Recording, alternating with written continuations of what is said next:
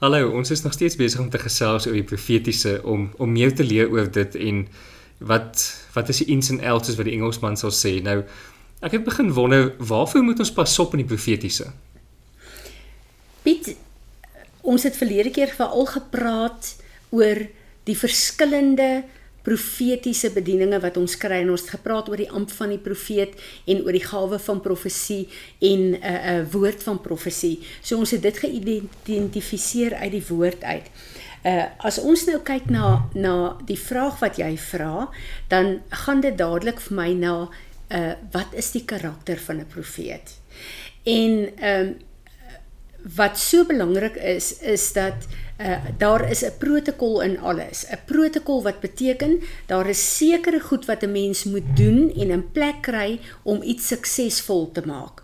En in die profetiese is daar ook 'n protokol en jy kyk veral na wie oor jou profeteer. Wie is hulle uh soos die Engelse sê alignment by wie is hulle betrokke onder wie se ehm um, beskerming is hulle bediening. En dan kyk jy na die vrug van hierdie persoon se lewe. Hoe lyk hierdie profeet wat profeteer se persoonlike lewe? En dit is gewoonlik groot waarskuwingstekens wat ons kry. Ehm um, wanneer jy iemand kry wat uh, profeteer en sy eie lewe is vol sonde en in 'n gemors dan gaan jy nie toelaat dat so 'n persoon oor jou 'n woord uitspreek nie.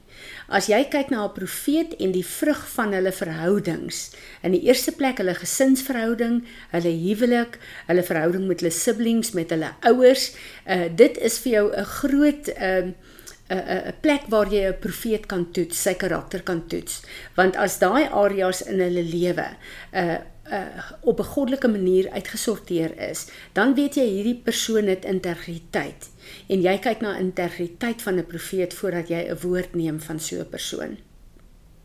Nou wat is dan die protokol waaronder 'n profeet moet bedien en waarvoor moet ons pas op waar ons kan sien dat 'n profeet of binne protokol of buite protokol is? In die eerste plek wanneer 'n profeet in die amp van profesie is, van 'n profeet is, dan moet jy weet wie is hulle covering, soos die Engelse sê. Jy moet weet onder wie hulle bedien. Jy moet kyk na die bediening waaronder hulle is, wat is die vrug van daardie bediening? En daai persoon moet dan in lyn met hulle leierskap, moet hulle dan uh, bedien op die verskillende plekke waar hulle uitgenooi word uh, om te bedien. En ehm uh, dit is dan ook belangrik om uh, te kyk na wat is die verhouding van hierdie profeet met hulle leierskap. Is daar honoring in hulle lewe of is hulle uh, iemand wat op 'n onafhanklike basis wil bedien? So dit is vir my baie groot goed wat 'n mens kyk na ehm uh, profete. Ehm uh, as iemand by ons kom bedien, byvoorbeeld in ons gemeente en daar word woord gegee oor die gemeente, dan moet ek as leier weet, ek vertrou hierdie persoon. Ek weet waar hierdie persoon vandaan kom, ek weet wat sy geskiedenis is in die bediening, ek weet wat sy geskiedenis in in sy gesin is. Dan weet ek hierdie persoon het integriteit. Jy kyk ook veral wat sê die woord, 'n profeet sal geken word aan uh die vrug van sy profesie. So jy kyk na die reputasie wat so 'n persoon het as 'n profeet. Daar is soveel Christories veral in Suid-Afrika oor die profetiese en oor die vals profetiese en dis my so hartseer dat dit toegelaat word in die liggaam bloot omdat die protokol wat op plek behoort te wees uh uh om uh, so profete toe te laat om te bedien nie op plek is nie. En as ons kyk veral na die verskillende ehm um, stamme in uh, Suid-Afrika dan weet ek en jy op die internet is daar kort kort uh, stories oor hierdie sogenaamde profete wat mense chikla drink om hulle te reinig van hulle sonde en uh, wat allerhande vreemde woorde vir mense gee en dan weet jy maar hierdie is vals profete. Vals profete sal ook baie gefokus wees om finansies van mense te kry vir die bediening wat hulle dan van hierdie profete kry. En ehm um, dit is veral in Amerika baie bekend dat daar letterlik 'n uh, ehm uh, is soos wat ons kry dial a prophet uh dat jy as jy vir 'n profeet 'n bedrag geld uh, gee, dan dan profeteer hulle oor jou volgens die bedrag wat jy gee. Hierdie goed is totaal nie van die Here af nie. Hierdie is glad nie deel van wat die profetiese behoort te wees nie. En ons het in die vorige paar ehm um, sessies het ons gesê wat is die profetiese is letterlik iemand wat jou 'n uh, 'n uh, 'n uh, boek lees en wat God vir jou goed sal gee vir jou toekoms om jou te help in jou roeping met die Here. So dis baie belangrik om te weet dat dat uh, wanneer 'n profeet oor jou profeteer, dan sal die basis altyd wees die woord van die Here. So jou woord sal uitkom, maar dit sal verweef wees in die woord van God ook. En dan weet jy maar hierdie is 'n profeet wat gefestig is in die woord van God. Nou wat dan van 'n profeet wat ons gedink het is 'n is 'n ware profeet van die Here af en dan op 'n stadium sien ons maar so ou het verval in in sonde klassifiseer ons hom dan as 'n valse profeet, is hy nie 'n valse profeet nie? Hoe hoe hoe werk dit dan? Hierdie is vir my een van die vrae wat die meeste verwarring in die liggaam van Christus veroorsaak. Want jy sien baie keer profete wat regtig waarna aan die Here gelewe het, wat 'n baie effektiewe bediening het en dan val hulle op 'n stadium in hulle lewe in sonde, maar as hulle profeteer, profeteer hulle nog steeds uh effektief. En dan wil mense weet maar kan hulle dit aanvaar of nie aanvaar nie. Nou as ons kyk na die gawe van profesie, waar die Here kom en hy sê hy gee hierdie gawes vir vir ons uh ter opbouing van die liggaam en om ons eie lewens ook mee te help. Dan kyk ons na die skrif in Romeine 11 waar die Here sê as hy vir ons geskenke gee, gawes gee, dan vat hy dit nooit weer terug nie, want dit is nie sy karakter nie. So jy kry hierdie profeet wat hierdie gawe het van profesie en wat baie korrek ehm um, profeteer.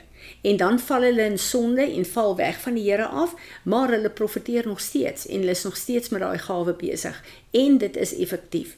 Nou sê die Here vir ons in in Romeine 11 vers 29 for the gifts and the callings of God are irrevocable, for he does not withdraw what he has given, nor does he change his mind about those to whom he gives his grace or to whom he sends his call. En dit is interessant om te sien dat hierdie mense dan, hoewel hulle in sonde is, presies korrek sal profeteer want dis 'n gawe wat God gegee het en hy gaan dit nie weer terugvat nie.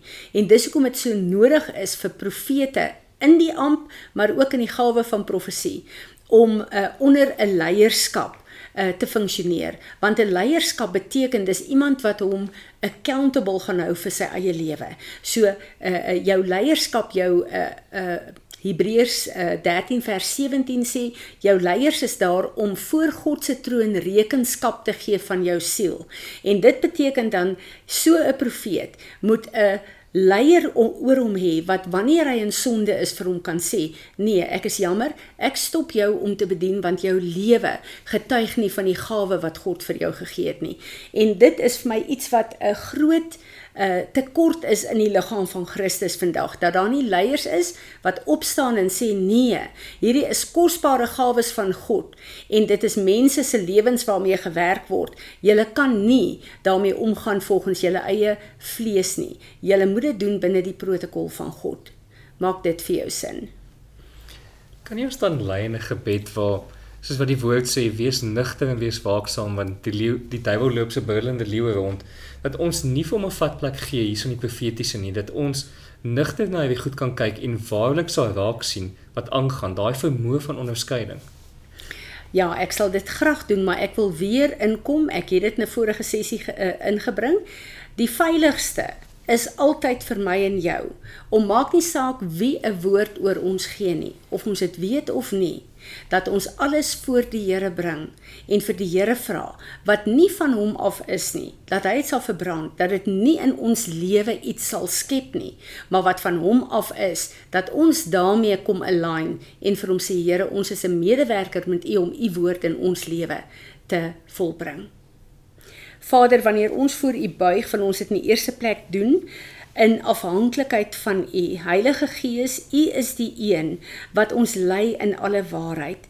Ek bid dat U vir ons sal help met die gees van onderskeiding om te onderskei wanneer iemand 'n woord bring wat uit U hart uitkom, maar dat U vir ons die onderskeiding sal gee wanneer 'n woord uit die vlees uit is en mense manipulerende woorde in ons lewe inspreek. En ek wil vra dat U vir ons sal help, Vader, wanneer U vir ons 'n woord gee oor iemand, dat ons dit sal doen met 'n heilige ontzag en afhanklikheid van U met die wete dat ons 'n medewerker is met die gees van God om in werking te bring u volle potensiaal en roeping in u kinders se lewens. Here Jesus, dankie dat ons dit kan doen in die krag en die autoriteit van u naam, u wat die gees van profesie is. Amen.